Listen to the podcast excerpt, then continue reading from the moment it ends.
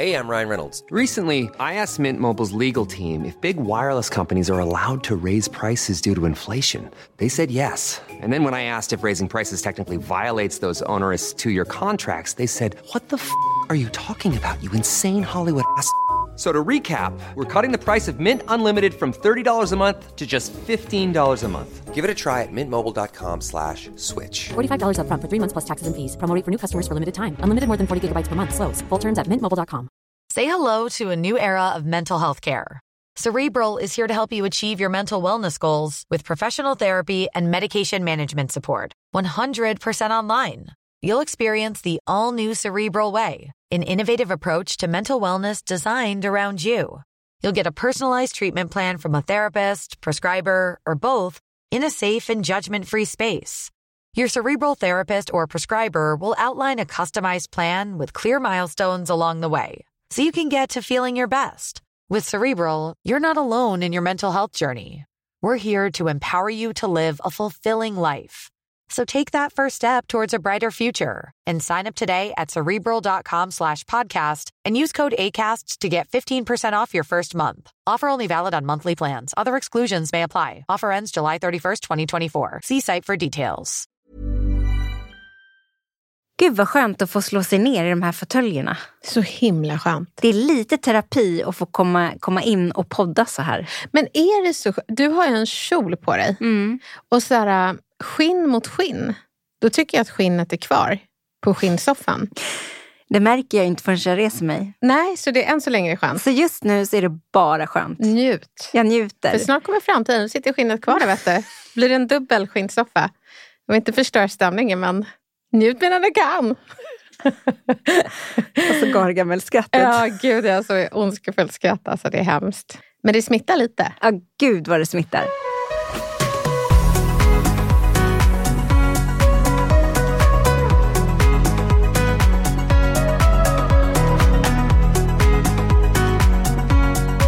Det här är Snacka snyggare Med Elaine Eksvärd. och Camilla Samek. Välkommen. Hur har helgen varit? Den har varit eh, varierad. Ja. Och, och din? ja, den har också varit varierad. En- man känner att man lever. Det Ja, det gör man. som eh, hjärtats slag, upp och ner. Men, men det har varit också väldigt mysigt. Ja, Men har du, har du lyckats eh, synda sen sist? det har jag absolut gjort. Så vi- Eh, så då är det väl dags för en bikt då. Det tycker jag. Mm. Det är din plikt. Eh, Alltså jag har ju tänkt mig en ganska jobbig bikt Oh. den här gången. Eller den är liksom känslosam och svår för mig men jag tycker att den är så viktig. Och jag tänker att jag delar med mig av den. Kör. Nej, Men jag är väldigt duktig på att vara hård mot mig själv och jag är också väldigt duktig på att tänka och säga dumma saker både till och om mig själv. Och det kommer liksom helt automatiskt av bara farten och jag är väldigt medveten om det. Så att det är inte så att jag, att jag inte vet om det. Och det är nästan värre. Mm. Att jag är så medveten. För när jag hör andra säga dumma saker om sig själv så blir jag väldigt illa berörd och tänker så här, men varför säger den personen så himla dumma saker om sig själv? Det finns ju ingen anledning. Men när jag gör det mot mig själv så känns det befogat. På något väldigt märkligt sätt. Och det som gör mig mest ledsen med det här, det är att när jag tänker på lilla Camilla, jag tänker så här, Camilla 12 år. Om hon skulle veta hur jag pratade om mig själv eller tänkte om mig själv så skulle hon bli helt förkrossad. Och lilla jag bor ju i mig själv. Så att jag menar, jag sårar ju mig själv varenda dag, flera gånger om dagen. Och jag vet att om lilla Camilla skulle veta vad jag, vem jag var idag och vad jag hade lyckats med och hur många drömmar jag har lyckats uppnå skulle hon vara så sjukt stolt över mig. Mm. Och det är ju det jag måste utgå ifrån. Gud, vad fint. Men ehm, Och vad sorgligt. Vad... ja, det är sorgligt. Jag säger det. Att det är en, en svår bikt för mig. För jag vet att det här är någonting som jag måste jobba med och vill jobba med. Men det är, det är en sån lätt väg att bara vara lite hård mot sig själv. Lite taskig mot sig själv. Det är precis som att det är det jag är bäst på. för jag var ganska hård mot mig själv. Jag har varit ensam med barnen ett tag i helgen. Min man var bortrest. Och allt det man ska rodda med med tre barn och aktiviteter och det ena med det fjärde och någon hade stukat foten och det hade kommit löss igen och det, liksom det ena med det fjärde. Förlåt Elin, ja, det är det så jobbigt det dök där. upp en liten lus till Alla här. mina sympatier försvann lite där med lusen. nej då. Ja, nej, ja, det får inte klia det, det är så taskigt. Men det... Mm. Och då kan jag ändå bli så här... Eh, att jag ändå kan bli så här taskig mot mig själv. Det är inte så att jag tänker så här... Snyggt roddat Camilla. Bra jobbat, du gjorde ditt bästa. Utan det är så här... Men du kan inte äta en bulle till lunch. Det blir inte bra för dig. Nu glömde du köpa den där presenten. Det var ju kalas. Du har vetat det här i tre veckor. Eller, nu är det så jädra stökigt igen. Jag plockar och plockar och plockar och det ser ut som hej, kom och hjälp mig. Varför kan inte jag bara ha ett städat hem? Nej, nu har jag glömt att tömma tvättmaskinen. Nu har tvätten legat där i två timmar. Fan vad dåligt. Du hör ju hur elak jag låter. Ja, men jag tycker det är så fint att du inser det. Men du tänker det? Jag du, tänker du det. har de här tankarna? Ja, ja, alltså de mal på. Ja. Och det är sällan jag tänker så här, men vad snyggt att du eh, räddade det här med födelsedagspresenten. Att du ändå hade koll innan hon gick på kalas. Att hon kom dit finklädd. Att du lyckades, att du hade lusmedel hemma och kunde behandla henne. Att du eh, har lyckats hänga med din son på tre fotbollsmatcher. Att du eh, fixade god mat till barnen. Nog för att du tryckte i dig en bulle, men barnen fick ju god mat. Att, att ja men okej, du plockar och plockar och plockar och det är stökigt. Det är en barnfamilj. Det ser ut så hos barnfamiljer. Att jag, alltså jag måste, och det är det som blir bedriften, att från och med nu så börjar jag en ny resa. Mm. Och det är en resa där jag försöker vara lite snällare mot mig själv. För jag tror att jag kommer må mycket bättre och jag tror att det kommer förändra mig. Mm. Man behöver inte vara så hård mot sig själv. Och framförallt lilla Camilla, 12 år. Jag, jag, vill liksom, jag vill känna att hon ler och är stolt över mig. Jag vill inte, jag vill inte göra så här mot mig själv längre. Nej. Nu måste jag gråta lite. Nej, Får jag så här förvridet ansikte? det får man när man gråter. Men, nej, men jag är också Jag är lite speechless. Och jag är ändå retoriker. Hopp. Det var ju väldigt berörande. Jag då ska vi det- sitta här och gråta Ja, nu. men jag tror det. ja, men alltså, det känns ju som att du har kommit på världens mindhack för att vara snäll mot sig själv. Jag, jag kom ju på ett mindhack för att stå upp för mig själv och det har jag nog berättat några gånger att jag visualiserade en, eh, en framtida dotter som jag inte hade då för jag var så dålig på att stå upp mot eh, buffliga typer. Men så fick jag liksom visualisera en framtida dotter och bara, om någon hade varit som att hända då, jag bara, nej nu räcker det. Så på så sätt lyckades jag lura mig själv och stå upp för mig själv.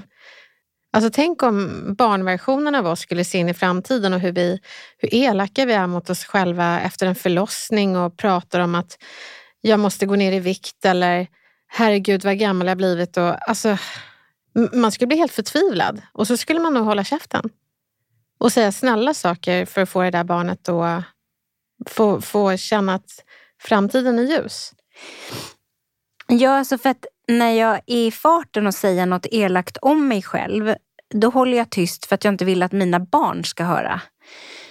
Men jag tror ju på något sätt att sånt där pyser ut ändå och jag tror att det är mycket finare för barnen att se en mamma som tycker om sig själv och peppar sig själv än någon som hela tiden trycker till sig själv.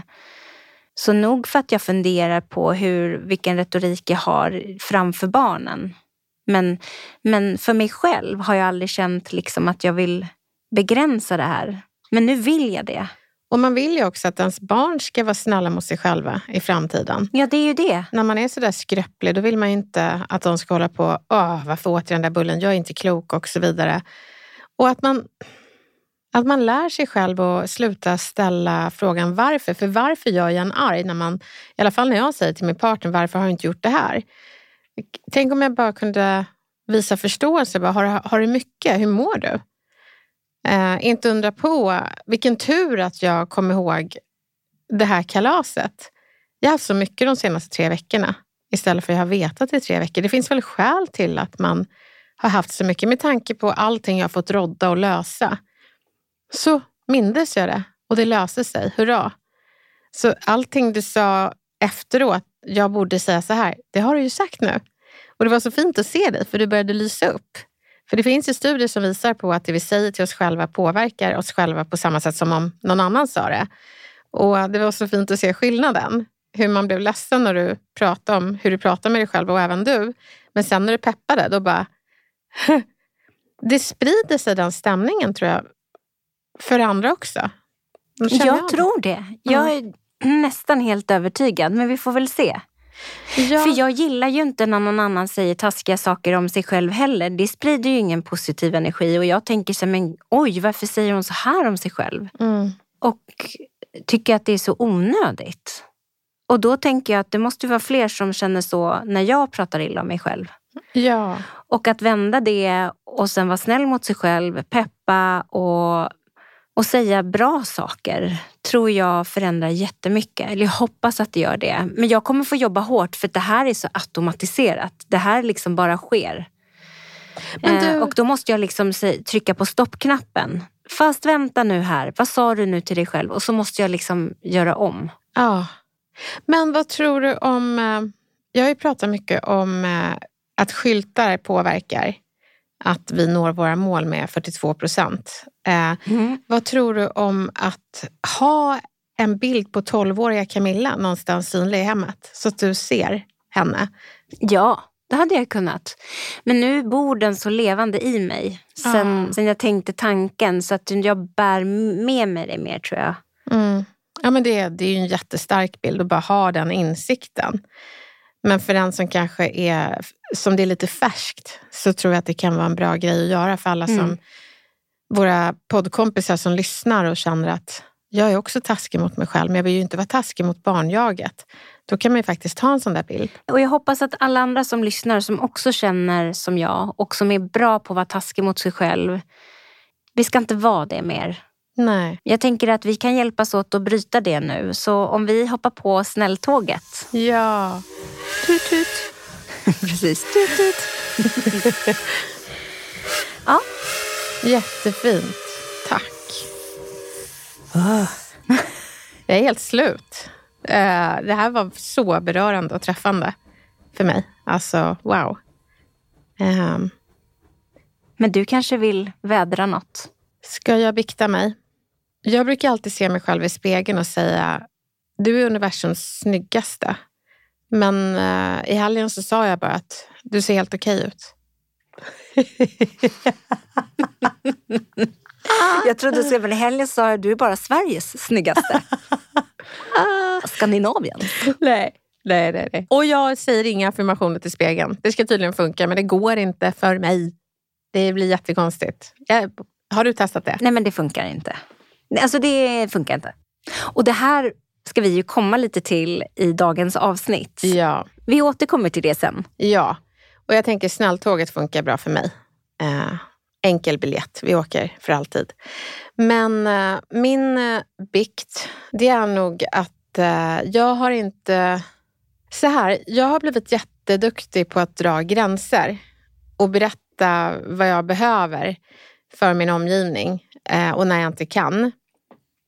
Men eh, jag är också väldigt dålig på att respektera mina egna gränser. Så om inte någonting flyger så låter jag inte det falla utan då hoppar jag in och gör någonting, jobbar på en söndag. Och det kostar ju mina barn en snäll mamma. Så att eh, jag inser att jag måste lära mig att låta det falla. Att, eh, för annars kommer alla som har med mig att göra ha en omedveten titel på mig och det är Elaine Fixare. Men jag tycker det är svårt. Det är väldigt roligt att du säger det för att jag har en vän mm. som ska åka bort med sin mamma, fira mammans födelsedag. Mm. Och eh, då sågs vi här nu i helgen och så sa hon att eh, det är så speciellt för att eh, vi har, det är skolfoto med barnen, det är aktiviteter, det är matsäck. Alltså jag har gjort ett schema åt min man. Nej. jo, med allt som måste fixas och allt som inte får missas. Och det är helt sjukt, det är som att lägga in en hel arbetsvecka för att jag ska åka bort i fem dagar. Ibland måste man bara låta folk falla. Och då sa hon precis det du säger. Egentligen borde jag bara låta det som sker ske. Ja, Men jag kan inte. nej. Och jag tror att det finns en hel befolkning som jag skulle vilja döpa till tar ansvar-befolkningen. Vilket gör att alla räknar med en. Och vad händer då? Jo, mitt energikapital tar slut och jag blir sämre människa mot mig själv. Det är svårt att åka snälltåg. Och eh, mot eh, andra. Man betraktas inte som så snäll. Och då är, det, då är frågan, är det värt kostnaden? Och det är det inte. Så min bikt är att jag eh, räddade eh, vissa situationer på jobbet. Vilket gjorde att jag blev en jävla dålig mamma. Och eh, vår äldsta hade lite attityd sådär. Och jag tappade det på ett sätt som inte han förtjänade. Helt enkelt. Att jag bara, mitt i det bara, nej, nu går jag från den här parken. Gustav, du får ta alla barn, för jag har tydligen inte kapacitet att vara en bra mamma. Och jag kan bikta mig lite till. Jag åkte in till kontoret på en söndag för att jag insåg att eh, jag inte kunde vara hemma. För de förtjänade eh, någon som var bra, som inte jag kunde vara just då. Och min närvaro var mer skadlig än min frånvaro just då. Så jag fick tugga i mig det. Så det är min bikt att jag ska... ehm, jag är duktig på att sätta gränser, men jag följer ju inte upp. Utan jag fixar ändå. Jag kan be om hjälp, men så ordnar jag det innan jag fått hjälpen. Men det här tror jag också är så himla vanligt. Att man vill ju inte se någonting gå fel. Och så vet man att man är den som kan fixa det. Och så Ja. gör man det. Ja, men vad kostar det? Vad är det jag misslyckas med då? Då blir det ju det att man åker eh, dumtåget och bara, varför gjorde jag inte det här? Varför fixade jag inte kalaset? Bla, bla, bla, bla, bla. Jo, men för att jag räddade så mycket annat. Kanske inte i ditt fall, men i mitt fall så blir det så. Men den duktiga flickan i mig har också väldigt svårt för det där att bara släppa någonting som man vet att man kan fixa. Mm. Och som behöver fixas, för annars så blir det inte fixat. Nej, och problemet är, då låter man ju heller inte omgivningen att växa. Det är ju därför folk har föräldrar som fixar allting upp till 45, 50, 60 tills de inte finns längre. För att man som barn aldrig fick falla. Jag tror att det är viktigt att man låter barn, vuxna, kollegor få lite ont. Inte av skadeglädje utan av att det är ju bra att du får känna på hur det blir när jag inte fixar. Så nästa gång kan ju du fixa. Och jag tror man behöver tänka att det ordnar sig. Byt ut, jag ordnar det med, det ordnar sig. Och ordnar det sig inte så är det någon som får växa och lära sig någonting. Det är jätteviktigt att låta folk växa. Jag, jag vet ju att jag har velat rädda mina barn från barn som eh, kanske inte är snälla och klivit in och pratat med föräldrar och medlat och hur ska vi prata med dem? Istället för att sitta utanför matchplan och coacha och se hur de kan använda verktygen själva. För om jag fixar det, då betyder det per automatik att jag har lite låg förväntan på folks utvecklingspotential. Folk är bättre, folk fixar det. Låt dem falla lite först. Det var min bikt. Den var väldigt fin. Tack. Och bedriften då? Ja, jag skäms ju så mycket. Vi måste börja med bedrift nästa vecka. Ja. För att jag känner att man skäms så mycket. Så ska man kravla sig upp ur det här skämsträsket. ja. Jag är alldeles lerig. Ja, du är alldeles lerig. Ja. Men det jag kan säga som har lite med bedrift att göra det är ju att jag, ehm, jag var i färd att ge dig en komplimang Ja, när vi sågs idag. Och då höll jag på att ge den precis som jag alltid gör när jag ska ge dig en komplimang. Åh, du har det där glittriga på kinderna. ja. Och då, då är jag så här, är det för mycket? Ja, då, då förstår inte du att det är en komplimang. Och det förstår jag, för jag säger ju inte vad jag menar. Nej. Men, men då hejdade jag mig själv Ja, innan jag sa det.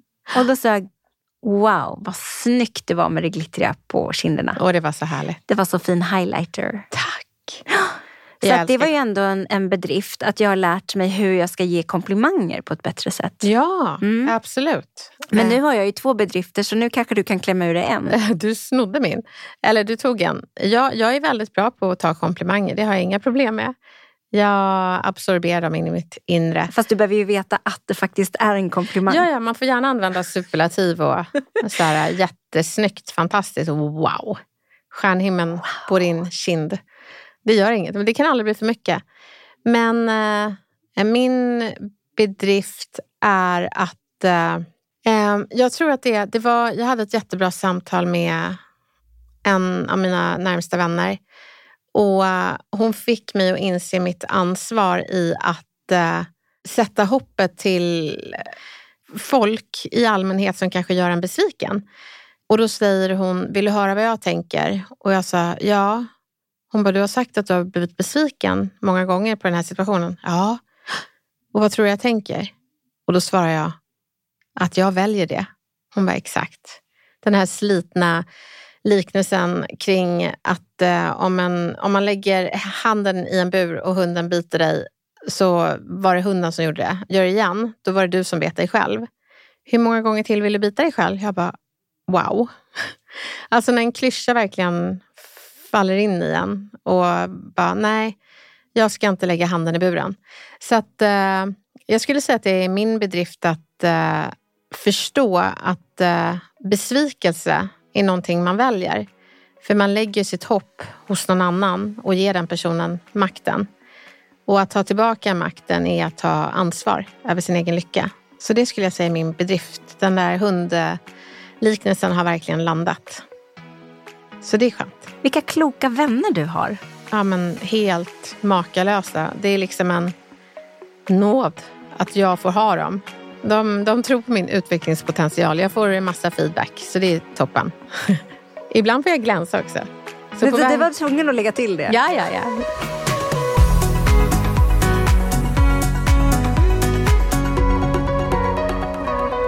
Jag vet inte, det är inte så ofta man får sitta med en, en retorikexpert så här så jag tänkte ta tillfället i akt och fråga. Bara två gånger i veckan.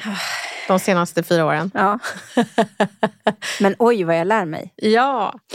Nej, men jag har faktiskt en fråga. Eh, Det uppstod en situation igår och eh, min dotter kom hem eh, efter det här kalaset och eh, hon som fyllde år hade då öppnat alla presenter inför alla andra. Så att alla fick vara med och titta på vad hon hade fått. Och när hon öppnade då min dotters paket, som jag bara vill säga att vi också gick runt och letade efter precis det vi trodde att hon skulle bli så glad för.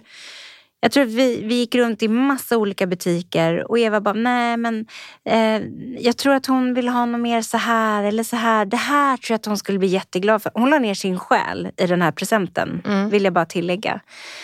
Varpå en annan unge kommenterar när hon öppnar paketet och säger, gud vad fula. Så istället för att jag skulle då få hem en glad dotter som hade varit på ett jättekul kalas så kom hon hem i tårar. Alltså hon hade lagt ner så mycket i den här presenten. Eller vi hade både lagt ner tid och energi på det här. Och då försökte jag bara, apropå att jag behöver lite hjälp nu i vad jag egentligen borde ha sagt. Men det jag sa var, först svor jag några gånger. Åh, vad härligt. Ja, för jag blev så jävla förbannad. Och jag tror att barn behöver sådana ärliga reaktioner istället för det vi fick höra. Ja, men hon menar nog inget illa. Fast det gjorde hon.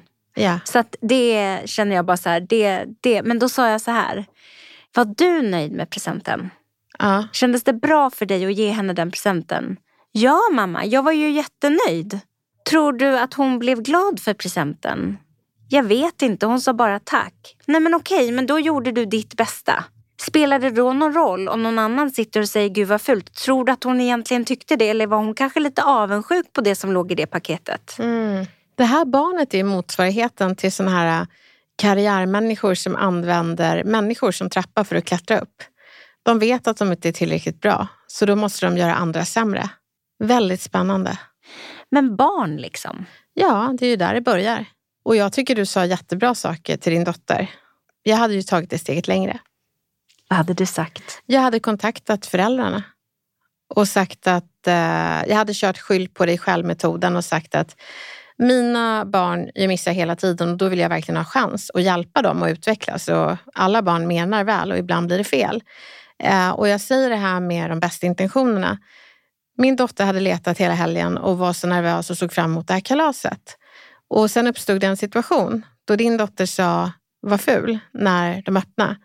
Eh, jag tänkte bara berätta det eh, så att ni vet. För min dotter blev ju ledsen. Och, och skulle det hända någonting, så ring mig och berätta. Min dotter kommer säkert göra bort sig också, säger man. Mm. Eh, för jag tycker att man ska ge folk chans att utveckla ens barn. För att jag får ju se en version av mina barn, men jag måste ändå som förälder vara öppen för att folk får se andra. För det är så många föräldrar som säger, mitt barn skulle aldrig... Man bara, hur vet du det? och bara förklara vad, vad den här flickan förlorar i vänskap. Jag menar, din dotter kanske skulle vara den här äh, vännen som skulle stötta henne i svåra tider eller är källan till det självförtroendet hon skulle kunna få istället för att trycka ner andra. Så jag tänker mer att man ringer med intentionen, inte om att säga att du är en dålig förälder eller din dotter är fel, utan det här kan bli fel för henne. Så äh, det, jag, jag skulle ringt den föräldern i all välvilja. Och där är också någonting som jag och min man måste jobba lite på. För nu var min man så att jag ringer. Ja. Han plockade upp mobilen och så sa han, nu ringer jag. Så. ja. Och då blir hon så här, nej, gör inte det, gör inte det, det blir bara värre. Jag, jag, hon såg inte att jag blev ledsen. Så att då, då menade hon liksom att hon borde ha sagt någonting själv först innan vi ringer till föräldrarna. Det tycker jag också är fint att hon någonstans vill markera innan man får en så att säga hemringning. ja, men ge henne chans Ja. att liksom sätta gränser och inte rädda henne. Ja, och då har vi pratat om att det kanske är viktigt att hon säger hur hon känner då. Och kanske inte just då, hon kan komma tillbaka som idag och säga du, jag blev faktiskt väldigt ledsen när du sa så här. Det vet inte jag om hon kommer våga göra och om jag ska vara helt ärlig så hade det tagit emot så mycket att ringa till de här föräldrarna och säga det här. Alltså jag, när du säger det så låter det så klockrent. Jag hade nog behövt stamma fram någonting. Eh, eh, det var så här att, eh, att jag, Ja. jag, jag tror att de här samtalen, är, det är inte lätt att ringa dem. Det beror helt på med vilken intention man ringer den här föräldern. Så jag menar, när din man skulle ringa då förmodar jag att han var människa och var arg. Ja. Och det är klart att dottern stoppar då. Men, men om det är för så här, jag vill hjälpa till. Alla barn gör fel. Mm. Du är en bra förälder. Jag tror Camilla, om du bara vet dig att du inte vill berätta att den här personen är dum och då kanske man inte ska ringa när man känner jävla skitunge. För det gör man ju. Mm. Eh, och låter det lugna sig och sen så ringer med oj, den här ungen har det skitjobbigt istället. Då tror jag att det kan bli bra samtal och då tror jag att vi vågar vara ett kollektiv som består av vuxna som hjälper barn att bli bättre och fungera i det här samhället. Den där flickan kan ju inte må bra. Men det kan man ju inte säga till sin dotter som är så här, nej men hon mår säkert inte bra.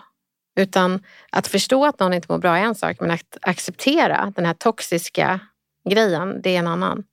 Och vad bra att du lär henne att säga det här nu. För det kommer ju komma vuxna versioner. Mm. Arbetskollegor som klankar ner på andras prestationer och tycker att de ska ha högre lön. Istället för att berätta sina egna prestationer. Det är liksom, det är ingen bra trappa för karriär, anseende, vänskap. Det är ingen trappa alls, utan det är liksom rakt ner i diket för dig själv. Det är bara att någon måste berätta det för dig. Den har jag ruvat på så att jag kände att jag behövde, jag Ja. behövde, jag behövde hjälp Jag tycker att alla ska börja ringa. ehm, till dig. Nej. Men man får gärna ringa till eh, andra föräldrar. Tror du att det är konflikträdsla som gör att man backar, att man inte vågar? Jag tror att man är rädd för att det ska landa som att eh, man tycker att den andra är en dålig förälder. Och kanske är det så att man inte har gjort det mentala förarbetet att vi har alla blinda fläckar i hur våra barn kan bete oss som skitungar. Ehm, Men det betyder inte att de är skit utan de kan utvecklas på olika områden. Man får eh, hjälpa dem att vara schyssta. Liksom. Ring en förälder. Bli ett team. Veckans utmaning. Idag ska vi prata om någonting som alla kan ha användning av. Egentligen när som helst. Och särskilt under svåra stunder. Mm. Mm. Fake it. Till you make it. Just watch me fake it, fake.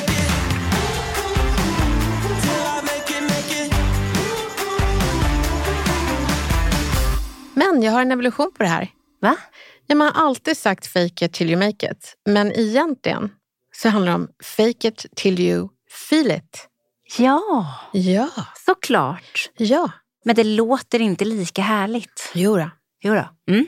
Nej, För grejen är man behöver förstå magin i att när man är nervös men lägger till ett självsäkert kroppsspråk så kommer nervsystemet påverkas så till den grad att du känner dig självsäker efter en stund.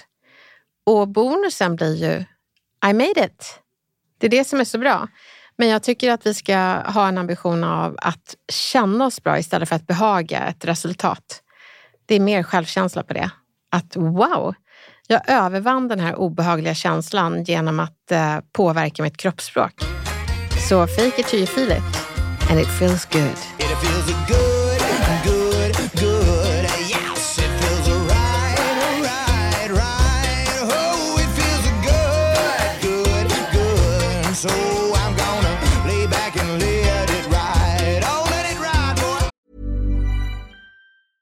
Hey, I'm Ryan Reynolds. Recently, I asked Mint Mobile's legal team if big wireless companies are allowed to raise prices due to inflation. They said yes. And then when I asked if raising prices technically violates those onerous two year contracts, they said, What the f are you talking about, you insane Hollywood ass?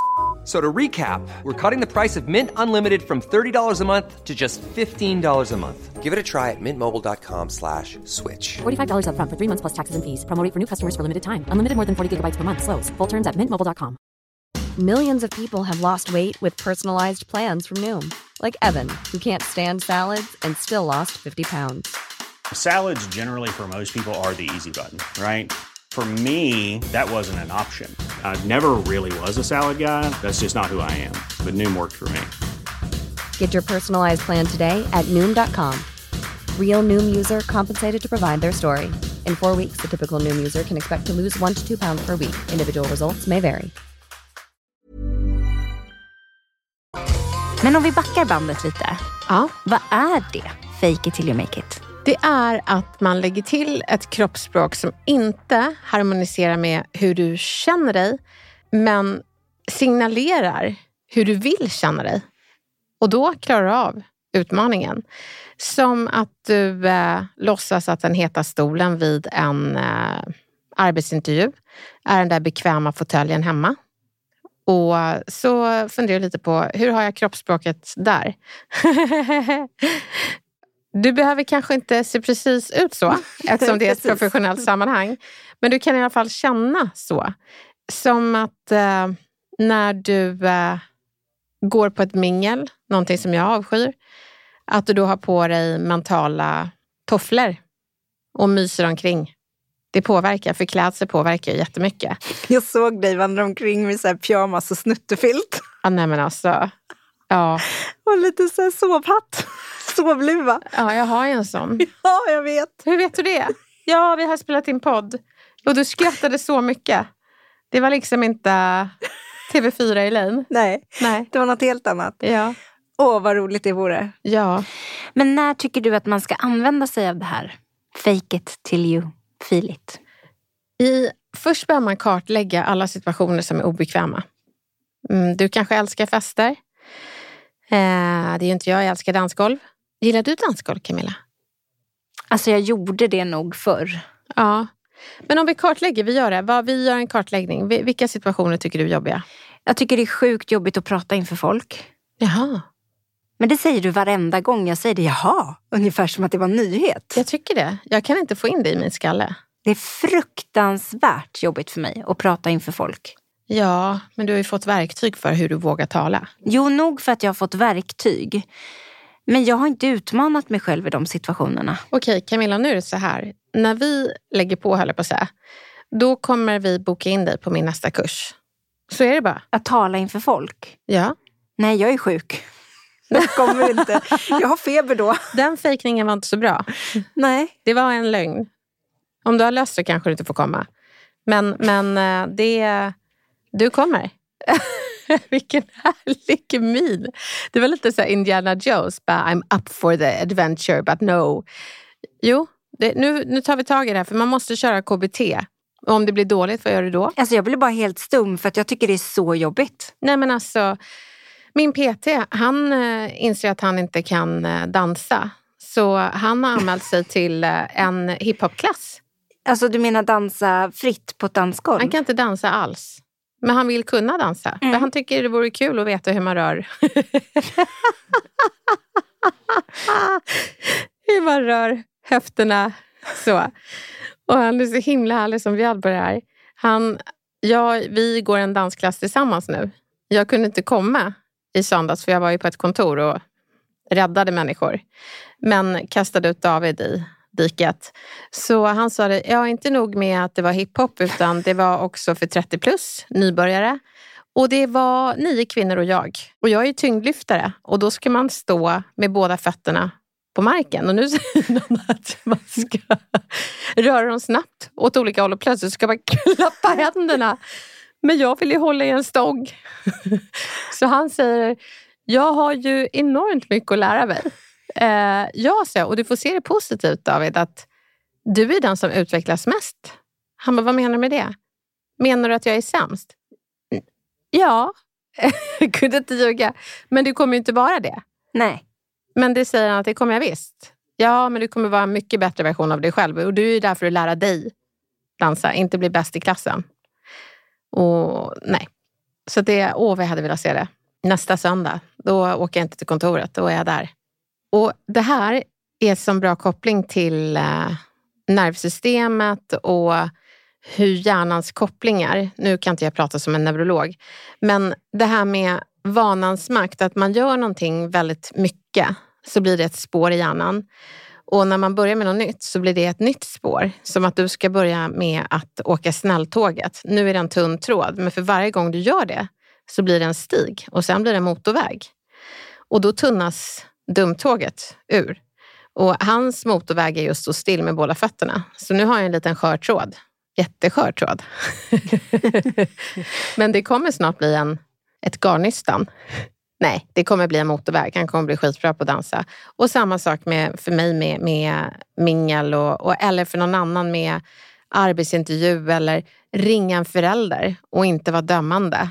Att skapa den där tråden av att nej, nu ska jag fake it till I feel. Jag bryr mig om den här ungen. Jag ska säga det. Så det är också att uh, fake it till you make it eller fake it till you feel it. När man lägger den här kartan över sin, sin kommunikation och vad man känner sig trygg med och vad man är mindre trygg med, då finns det ganska många delar som man egentligen inte känner sig så hemma i. Ja, och då blir det lite som panikångest. Eh, och som alla psykologer säger, att det ska du inte göra. Du ska inte undvika de situationerna, utan du ska erövra dem.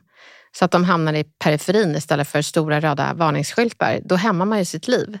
Och jag menar, du har ju massa bra saker att säga. Det handlar ju väldigt mycket om att inte tänka, här kommer jag, utan här kommer det här. Och då behöver du lära dig presentera det du kan. Och inte tänka, här kommer Camilla. Du behöver inte självförtroende, du behöver sakförtroende. Men om vi nu säger då att jag tycker det är jättejobbigt att prata inför mycket folk. Tycker det är jobbigt att hålla tal. Tycker det är väldigt jobbigt att eh, vi säger att vi sitter på stora möten och så ska man liksom räcka upp handen och säga någonting. Och ibland finns det en mikrofon i det sammanhanget också så att alla ska höra jättebra. Mm.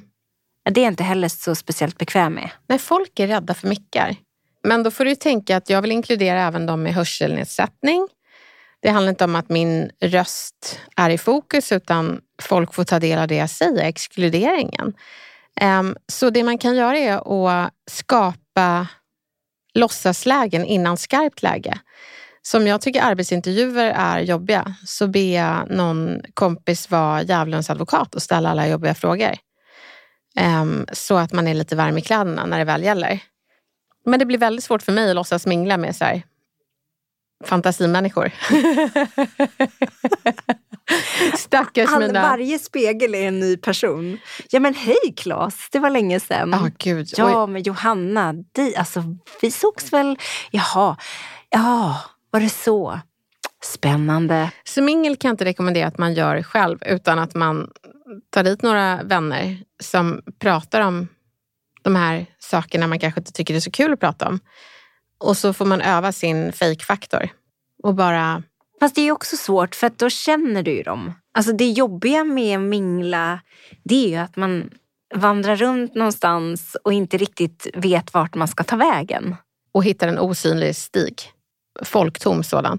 Men jo, jag tror att det går. Om vi testar. Kör, kör riktigt kallprat här. Nu är vi på ett mingel. Alltså så himla fint väder idag. Ja, verkligen. Det var så himla härligt att eh, sommaren kom. För det har ju varit så himla dåligt väder i, i augusti. Och jag tog ju semester då. Ja, det regnade ju bort. Ah, så jobbigt. Så tråkigt. Men reste ni någonstans? Nej, det gjorde vi inte. Nej. Nej, det regnade och regnade. Ja, men det är så jobbigt. Skjut mig. Nej, men det här är hemskt. Jag har inte råd med såna här samtal. Jag vill ringa SOS. Nej, men jag vill, jag vill ta mig tröjan. Alltså, jag får ångest. Kolla vilken fin bh jag har. Alltså, jag får sån ångest. Jag får sån ångest. Jag får på riktigt Vad är det med dig och dina bh? Kan du Jag sluta? bara, alltså jag behöver, behöver ta med det här på film. Men jag måste ta med det här. Det här går inte. Jag kan inte ha det så här. Jag får en riktig panikångestattack. Man måste också veta när man ska... man måste också veta sina gränser. Ibland kanske man inte ska göra KBT eh, överhuvudtaget. Det där var riktigt jobbigt. Jag gav mitt allt. Jag sa ju bara att det var lite fint väder. Ja, det var, jag spann ju vidare. Jag, jag grävde... Du var ju bra på det. Ah, eller hur? Mm. Så till och med jag kunde lyckas med det. Eh, jag tror, Men, men du var inte fake it till you feel it för nu blev du så svettig att du var tvungen att ta av dig kläderna. ja, och min poäng med det är det är inte alla områden man ska vara i. Jag är ju rädd för insekter och jag går inte på kräftskivor för jag tycker det ser ut som stora insekter. Och då säger folk, ska du inte ta KBT? Jag bara, nej, för jag vill inte umgås med insekter. Det är fine. Jag tycker mitt liv är rikt utan kräftor. Varför får du För kvällningar? att det är äckligt. Snart kommer jag sitta här utan byxor också. Så det finns vissa saker man inte ska utmana med fake it till you make it. Om livet inte blir rikare och det faktiskt inte ger någonting, utan du känner bara att eh, nu gör jag en uppoffring, då är livet, ditt liv någonting annat. Om det skulle vara givande, Mm. då är det värt. Ja, och jag tänker att, eh, att presentera för dig är ju givande. Mm. Om du inte skulle känna att det är läskigt och så vidare, så skulle så många fler känna till hur briljant du är.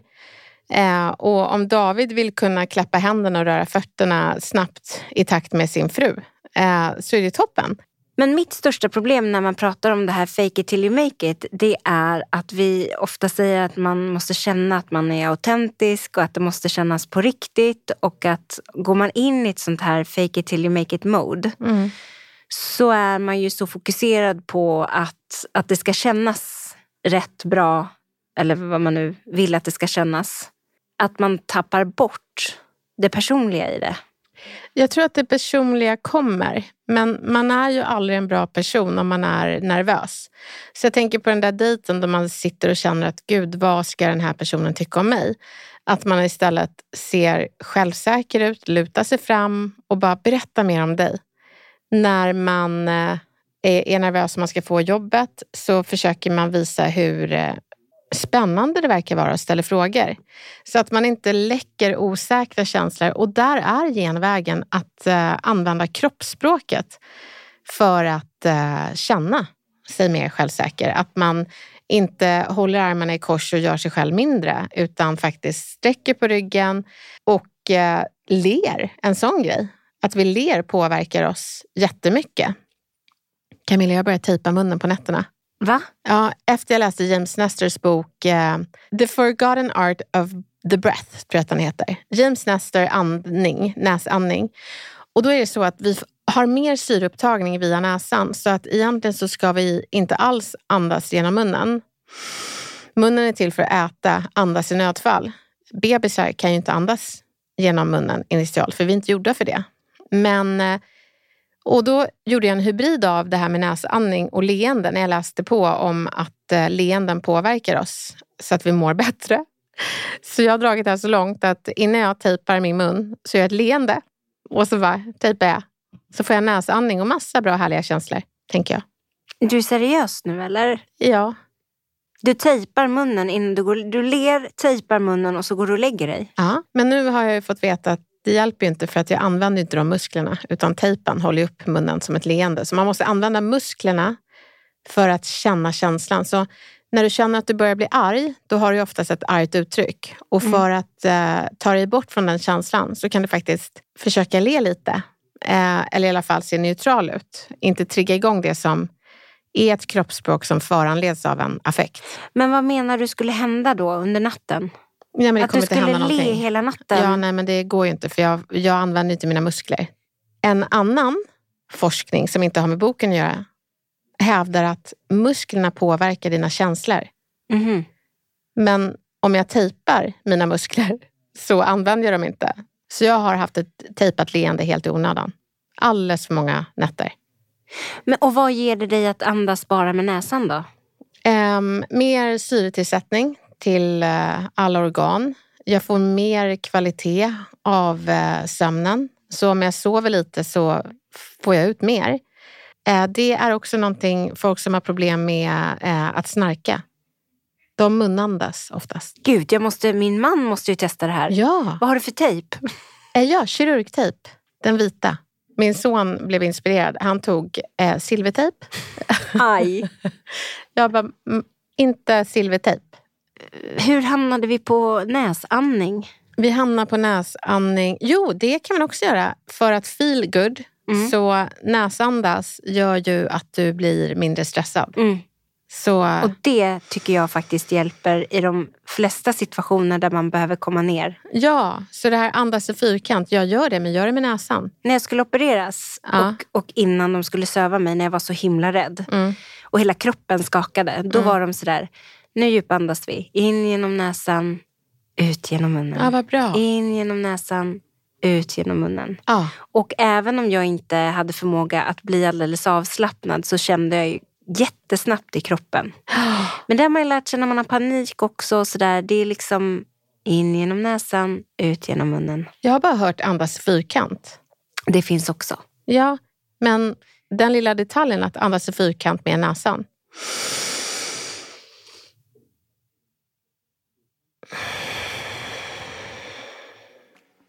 Jag blir ju så trött. Jag vill ju bara gå och lägga mig. För att det är parasympatiska systemet, alltså PIS. Sympatiska systemet är stress. Då, är, då andas man fort. Varför man ska använda fake it till you feel it, det är för att erövra de områdena som begränsar ditt liv. Som är, åh jag skulle vilja göra det här, men jag vågar inte. Jag vill, men jag vågar inte. Och då är de här tipsen så himla bra. Men blir det inte då som att jag ska spela en roll? Initialt blir det det. Men inte spela en roll av någon annan person, utan spela en roll av självsäkra Camilla. Det är det. Och den bästa personen du kan studera då är dig själv i självsäkra situationer. Hur är jag när jag vet vad jag pratar om? Vad har jag för kroppsspråk? Jag fejkar fram det så jag känner mig självsäker. Men att du ska försöka vara, jag vet inte, Michelle Obama vid ett FN-tal. Det blir ju bara Birgit Friggebo för de som inte har den referensramen, We shall overcome. En dålig kopia. Hon sjöng den i Rinkeby på 90-talet. Kopierat av Martin Luther King, 60-tal. Kopiera inte, inspireras. Av dig själv. Jätteviktigt. Så det finns så många situationer man kan använda det här på. Men jag kan inte säga vilka, för det är bara du som kan lägga kartan över jag vill, men jag vågar inte platser. Och då använder de här verktygen. Och Sen är det också så att kroppsspråket får ju sig en ordentlig skjuts av tanken. Så när man är rädd för att ringa den här föräldern för att tänka om personen blir dömd, att man byter den tanken med tänk om den här personen blir hjälpt. Då kommer det höras i ditt röstläge, det kommer kännas i stämningen och ditt kroppsspråk kommer vara mycket vänligare inställt. Istället för att ringa i affekt när man är arg. Då är det klart att man blir rädd för en konflikt för att det blir det när du är arg och vill döma istället för att hjälpa. Man vet ju inte om det, men det är så det blir. Så kroppsspråk är viktigt, tanken är jätteviktig. Andning är viktig. Och också kläder, det har vi pratat om många gånger. Men att du kanske inte tar på dig de här tofflorna som man kan använda mentalt. Men ändå dra på dig någonting som i alla fall känns bekvämt i en obekväm situation. Någonting du äger och som gör att du känner dig snygg och trygg. Så, kära poddkompisar. Om du känner att det finns situationer som du undviker, ställ dig själv frågan, skulle mitt liv bli rikare av det här? Vill jag, men vågar inte? Då är det värt att kartlägga jag vill men jag vågar inte-platser och använda tipsen så att du erövrar de här områdena och får ett rikare liv. Fake it till you feel it, then you will make it. Vi hörs. Vi hörs.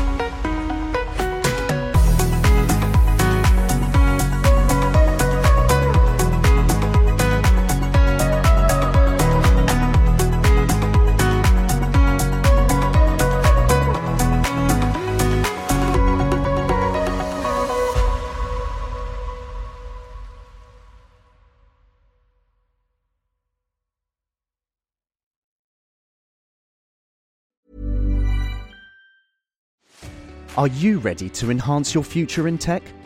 Then it's time to make your move to the UK, the nation that has more tech unicorns than France, Germany, and Sweden combined.